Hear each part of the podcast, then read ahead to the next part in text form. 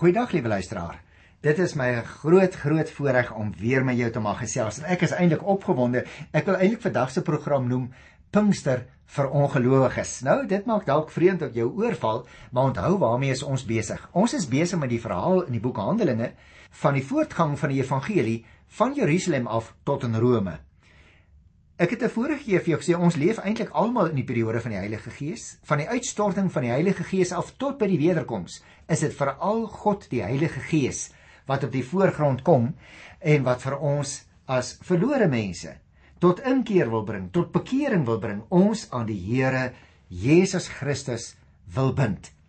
En nadat die getuienis van die eerste Christene in Jerusalem plaasgevind het, het die golwe mos nou weier geword Die sirkels het al weier uitgekring en vandag gaan ons oor 'n baie interessante gedeelte gesels waar daar ongelowiges wat uit en uit deur die Joodse uh, gelowiges van daardie tyd beskou is as heidene waar daar van hierdie mense tot bekering kom. Nie in Jerusalem nie maar daar by die kus van die Middellandse See in Joppe en in daardie omgewing ons het afgesluit die vorige program toe ons gesien het hoe dat die Here vir Petrus voorberei het. Terwyl hy op pad was om hierdie kaptein Cornelius, wat 'n kaptein was in die Romeinse leer, om hierdie man te gaan besoek, wys die Here vir Petrus 'n besondere visioen. Om te sê jy moet oppas Petrus, jy is nog as 'n ou met 'n Joodse agtergrond geneig om mense in vakkies in te deel en sommige mense as heidene en as onrein te beskou. Daai ding, Petrus, moet jy los. En nou kry ons dan nou vandag die verhaal hoe dat Petrus nou aankom daar by Cornelius en hoe dit daar 'n geweldige deurbraak, 'n geestelike deurbraak gaan plaasvind by hierdie wat dan deur Petrus beskou is rowwe heidense mense. Petrus se boodskap, liewe luisteraars, is in die eerste plek vir heidene in Handelinge en dit bevat 6 punte. As jy dit wil indeel in jou Bybel, kan jy dit gerus doen. God neem heidene ook aan. Vers 34 en 35. 'n Tweede gedeeltjie kry 'n samevatting van die betekenis van Jesus in vers 36. Dan die aardse lewe van Jesus wat kortliks beskryf word vers 37 en 38 En dan die dood en die opstanding van die Here Jesus vers 39 en 40. Die vyfde afdelingkie, die getuies van Jesus vers 41 tot 42a en dan die laaste klein gedeelte vers 42b tot 43 die huidige betekenis van Jesus. Dit gaan dus hier oor 'n baie baie belangrike gesprek. Uh en daaroor wil ek dan nou met jou praat. Ek is by Handelinge, die 10de hoofstuk, vers 34 en 35. Toe het Petrus aan die woord gekom en gesê: "Waarlik, ek begryp nou eers dat God nie onderskeid maak nie." Jy sien, hier het hy nou tot die insig gekom. Hy sê ek begryp nou eers dat God nie onderskeid maak nie, maar in enige volk die mense aanneem wat hom vereer en doen wat reg is. Jy sien, liewe luisteraar, een van die belangrikste faktore wat die verspreiding van die evangelie in die eerste eeu belemmer het, was die voortdurende konflik tussen Jode en nie-Jode. Die meeste van die vroeë gelowiges was natuurlik Jode. En dit was vir hulle ondenkbaar om selfs te dink aan enige verbintenis met nie-Jode. God het nou egter vir Petrus aangesê om vir 'n Romein van die evangelie te gaan vertel. Hy was gehoorsaam ten spyte van sy eie gevoel, sy weersin wat hy in homself moes ervaar het, want onthou sy agtergrond was Joods. God het dus baie duidelik aan hom geopenbaar in die visioen dat die evangelie van Jesus Christus vir almal bedoel is.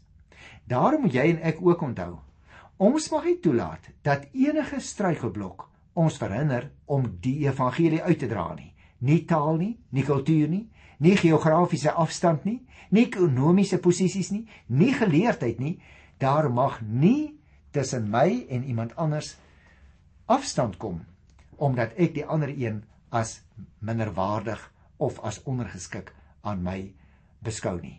Ons moet onthou, liewe luisteraar, in elke volk is daar mense wat bereid is om die evangelie aan te neem mits iemand natuurlik vir hulle van die Here Jesus vertel. Daarom is dit nie genoeg om net na God te soek nie. 'n Mens moet hom ook vind. Hoe sal 'n soeker dan die Here vind as daar niemand is wat hom die pad te wys nie? Daarom is ons radioprogram so belangrik waar ons uitreik deur die Here se genade op 'n moderne manier gebruik maak om die evangelie uit te saai na mense toe. Ek wil vir jou vra, vra die Here jou dalk om vir iemand anders die pad na hom toe te wys. Dan moet jy nie terugstaan nie. Nou in die tweede afdelingkie van die gesprek wat Petrus het met Kornelius, sê hy in die 36ste vers: "Julle weet dat God aan Israel sy woord gestuur het, naamlik die evangelie van vrede wat Jesus Christus gebring het. Hierdie Jesus is vir julle almal." Met ander woorde, hy gee hier 'n baie baie kort samevattingkie om vir hulle te sê die betekenis van Jesus is dat hy vir almal is. God het die woord, luisteraars, die heilsboodskap deur Jesus Christus gestuur. Dit bring vrede met God en mense. Dat daar nie meer afstand tussen God en mense is nie. Dit is die messiaanse heil waarvan die profete in die Ou Testament gepraat het. Die wyse natuurlik waarop hierdie dinge 'n werklikheid word, is deur die absolute heerskappy van Jesus. Hy is die Here van almal sê daai 36ste vers. Hy is koning oor almal en daarom kan enige mens gered word. En dan die derde afdelingkie van sy gesprek waar hy in vers 37 en 38 verwys na die aardse lewe van Here Jesus. Luister, julle weet ook van die gebeurtenisse dwars deur die hele Joodse land. Dit het in Galilea begin na die doop van Johannes verkondig. Julle weet van Jesus van Nasaret dat God hom met die Heilige Gees gesalf en met krag toegerus het. Hy het rondgegaan, oral goeie werke gedoen en almal gesond gemaak wat in die mag van die duiwels was, want God was in hom. Met ander woorde luister, merk jy op. Petrus vertel nou vir hulle baie kortliks hoe die Here dan gewerk het. Hoe dit gekom het dat die aardse lewe van die Here Jesus bekend geraak het. En dan kom ons by die volgende gedeeltjie waar hy vir hulle sê en dit is baie belangrik dink ek liewe luisteraar die dood en die opstanding van die Here Jesus. En u kan dit self gaan lees ook as u wil. Mens kry dit hier vers 39 tot by vers 40. Hy sê ons is getuies van alles wat Jesus in die Joodse land en in Jerusalem gedoen het. Hulle het hom doodgemaak deur hom aan die kruis te hang, maar God het hom op die 3de dag uit die dood opgewek en aan hom verskyn. Met ander woorde, u kan dit verder lees. Met ander woorde, Petrus wil hierso vir hierdie mense sê: Dit is so dat julle miskien nou nie al die detail weet nie. Want julle wat deur ons mense beskou is as heidene, was nie so betrokke by wat die Here Jesus gedoen het nie.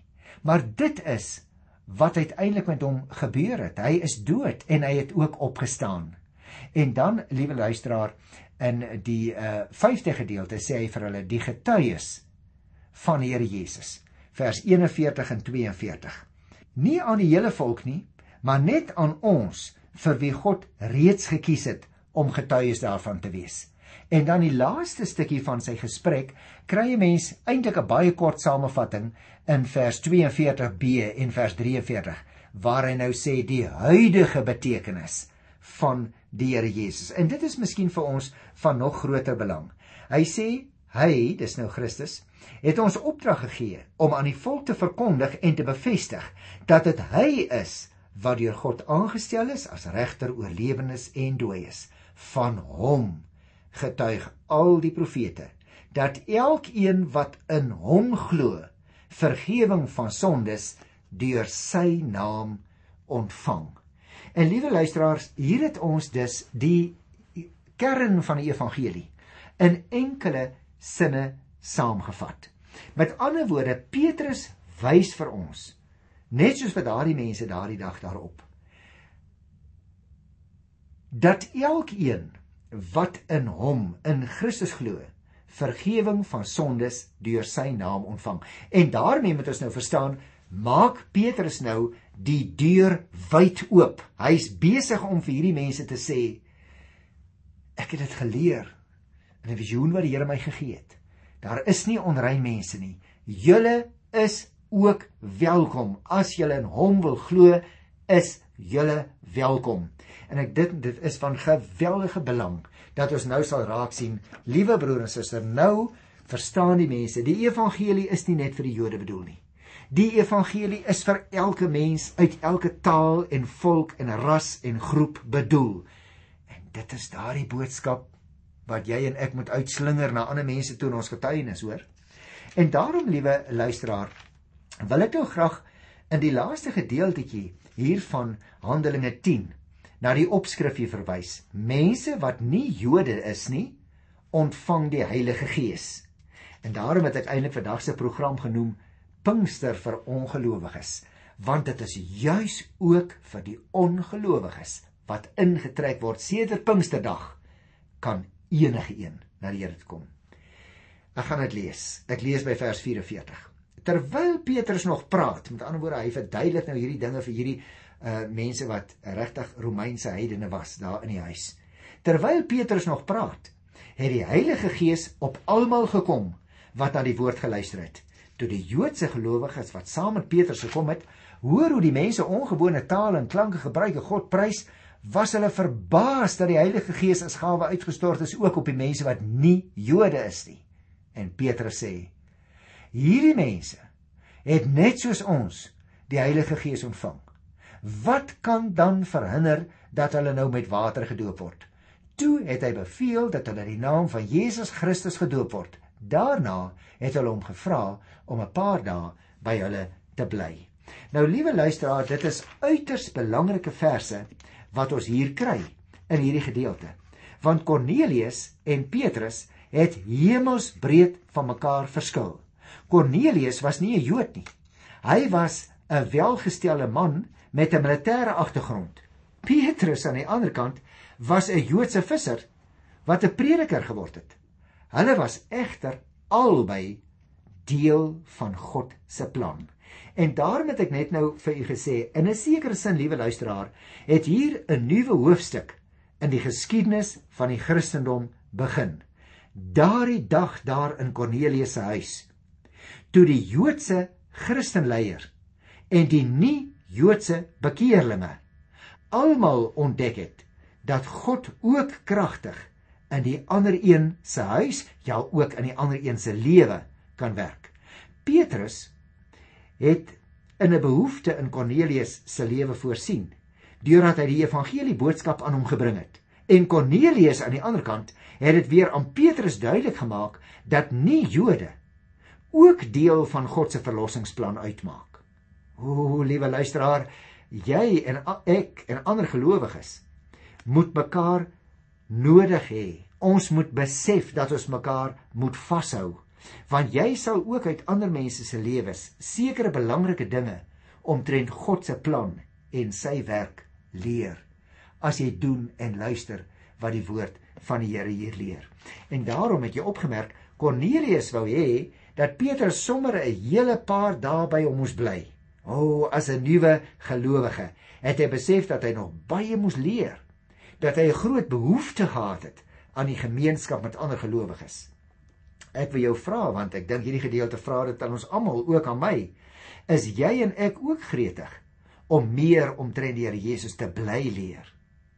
Jy en ek moet ook besef, liewe luisteraar, dat dit belangrik is om saam met mense wat reeds hulle kristendom deurleef het, saam met hulle tyd deur te bring. Daarna te strewe om ook van hulle en uit hulle lewens te leer wat dit beteken om prakties elke dag Christen te wees. Dat ons sal leer wat dit beteken dat die Bybel vir vandag nog steeds geldig is. Daarom wil ek 'n paar aspekte uitwys in hierdie hoofstuk in die tyd uh, wat ons oor het, liewe luisteraar, want ek dink dit is vir ons van baie baie groot belang. Veral as ons nou kyk na hierdie laaste gedeelte van vers 44 af wat ek gelees het, né? Uh vers 44 sê terwyl nog praat het die Heilige Gees op almal gekom. Het jy onthou, dis heidene, want van die Joodse Christene word gesê dat hulle verbaas gestaan het in die 45ste vers. Die Heilige Gees kom egter nie op sigbare wyse soos by Pinkster nie. Het jy dit opgelet? wat Pinkster kan nie herhaal word nie. Dit het net een een keer op Pinksterdag gebeur dat die Heilige Gees uitgestort is op gelowige mense. Hier het ons 'n bewuswording van ons lees nie weer hier van van 'n uh, eh, tonge en van vuur vlamme wat verskyn het soos op Pinksterdag nie.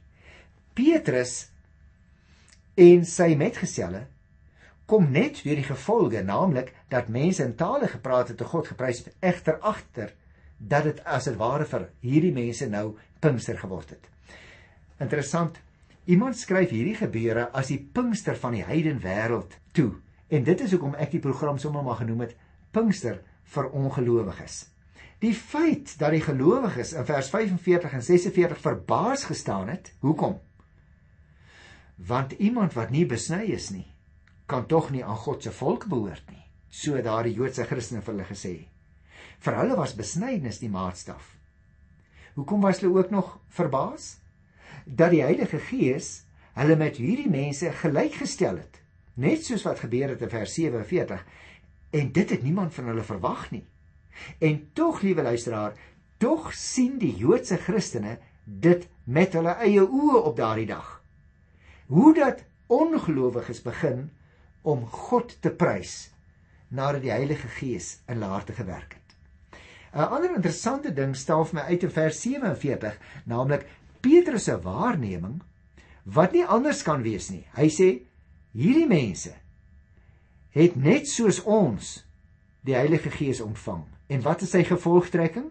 Dan kan hulle nou gedoop word. Petrus doop dan in die 48ste vers Kornelius en sy mense nie self nie. Jesus interessant het ook nie self mense gedoop nie. Gaan kyk maar Johannes 4 vers 2. Paulus het slegs enkele mense in Korinte gedoop. Ons lees dit in 1 Korinte 1 vers 14 en vers 17. Nou moontlik is die doop deur een van die Christene uit Joppe bedien. Ons weet nie staan nie hier nie. Petrus is selfs bly oor die feit dat daar tafelgemeenskap moontlik is. Hy aanvaar nou vir Kornelius volkome as 'n Christen, as 'n broer in die Here. Want niemand het skynbaar voorgestel dat Kornelius besny moes word nie. Dit was nie meer ter sake nie. Ek wil dus 'n paar belangrike gevolgtrekkings uit hierdie gedeelte maak liewe luisteraar, want die Bybel geld vir vandag en dit is ons baie belangrik. Die eerste een is dit: God werk nie met alle mense op dieselfde manier nie. Of dit nou eers die Heilige Gees is en dan doop, of dit soms eers die doop is en dan die Heilige Gees. Dit maak nie saak nie. God is vrymagtig en is aan geen vaste patroon gebonde nie. So as iemand na ons program luister vandag en hy dink die dinge moet so gebeur soos ek daaroor dink of soos ons in ons kerkie daaroor dink, broer en suster, ons moet versigtig wees. Ons staan selfs die voortgang van die evangelie in die weg as ons met ons eie onderlinge verskillende sieninge teenoor mekaar staan terwyl daar 'n heidendom rondom ons is wat die evangelie nie hoor nie omdat ons onderling twis. Dit is ook wat hier gebeur het. Dat hierdie gelowiges in hulle kontak met die ongelowiges, Kornelius en die ander mense in sy huis, nie begin beklei het met mekaar nie. Kom ons gee mekaar ruimte. Die Here werk nie met almal op dieselfde manier nie. Ek wil dit vir u baie sterk stel.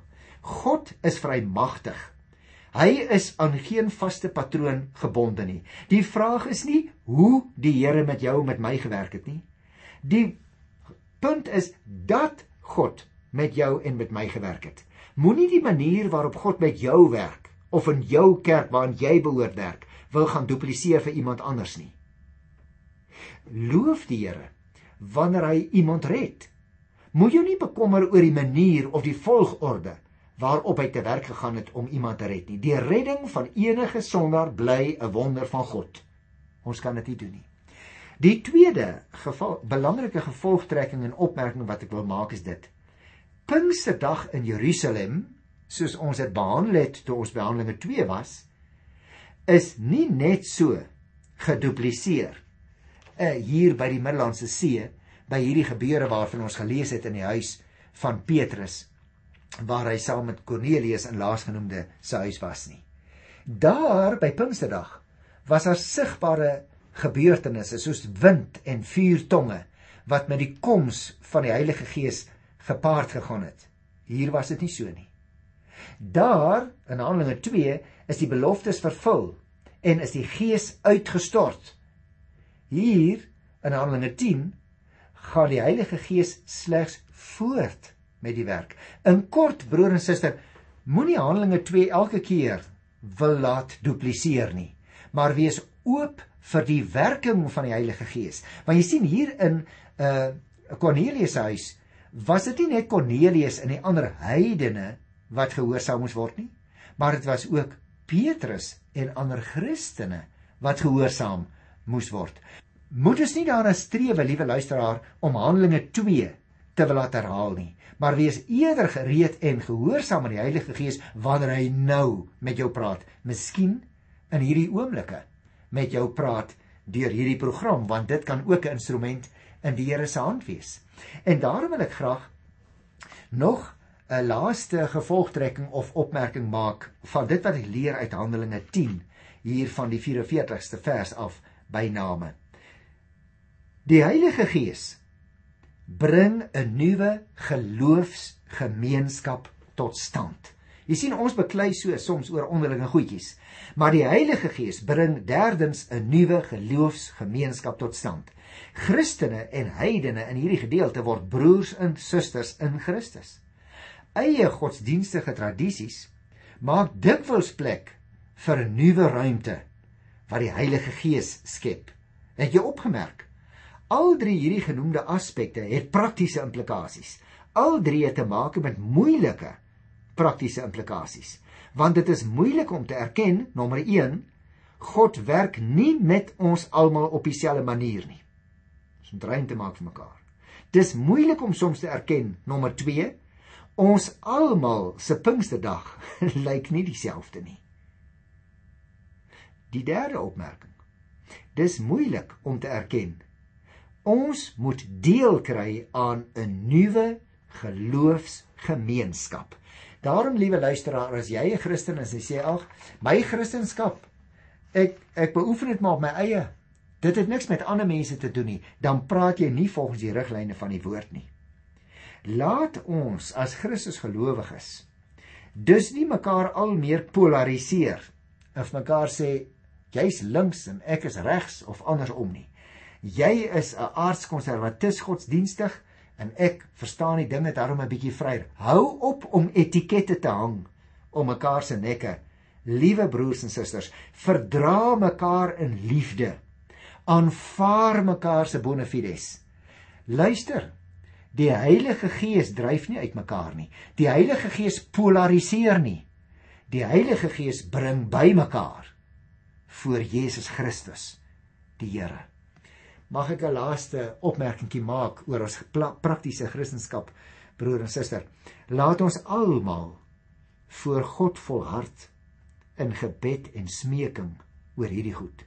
Laat ons en die Heilige Gees oor die implementering van die Christelike geloofsgemeenskap besluit. Nie ons alleen nie. Want jy sien as ons alleen besluit dan wil ons die ding hê op ons manier volgens ons siening binne ons teologie. Nee. Die Here werk soms buitekant bokant, ek wil amper vir u sê verby ons ou teologietjies waarmee ons besig was in kort. Laat ons nie tradisies sonder meer handhaaf nie. Maar laat ons nie sonder meer tradisie oorboord gooi nie. Hou op struikel oor die woordjie tradisie. God werk deur sy gees vrymagtig soos hy wil. Daarom liewer laat die Heilige Gees ons lei. Broer en suster, wag op die leiding van God, die Heilige Gees. Die Gees bind ons saam en veral die Gees verheerlik Christus. Gaan lees maar weer Johannes 14 vers 26. Ek groet jou dan in sy wonderlike naam tot volgende keer leef in die vryheid, leef in die genot, leef onder die sproei van die Heilige Gees en kom vry van jouself. Tot volgende keer. Totsiens.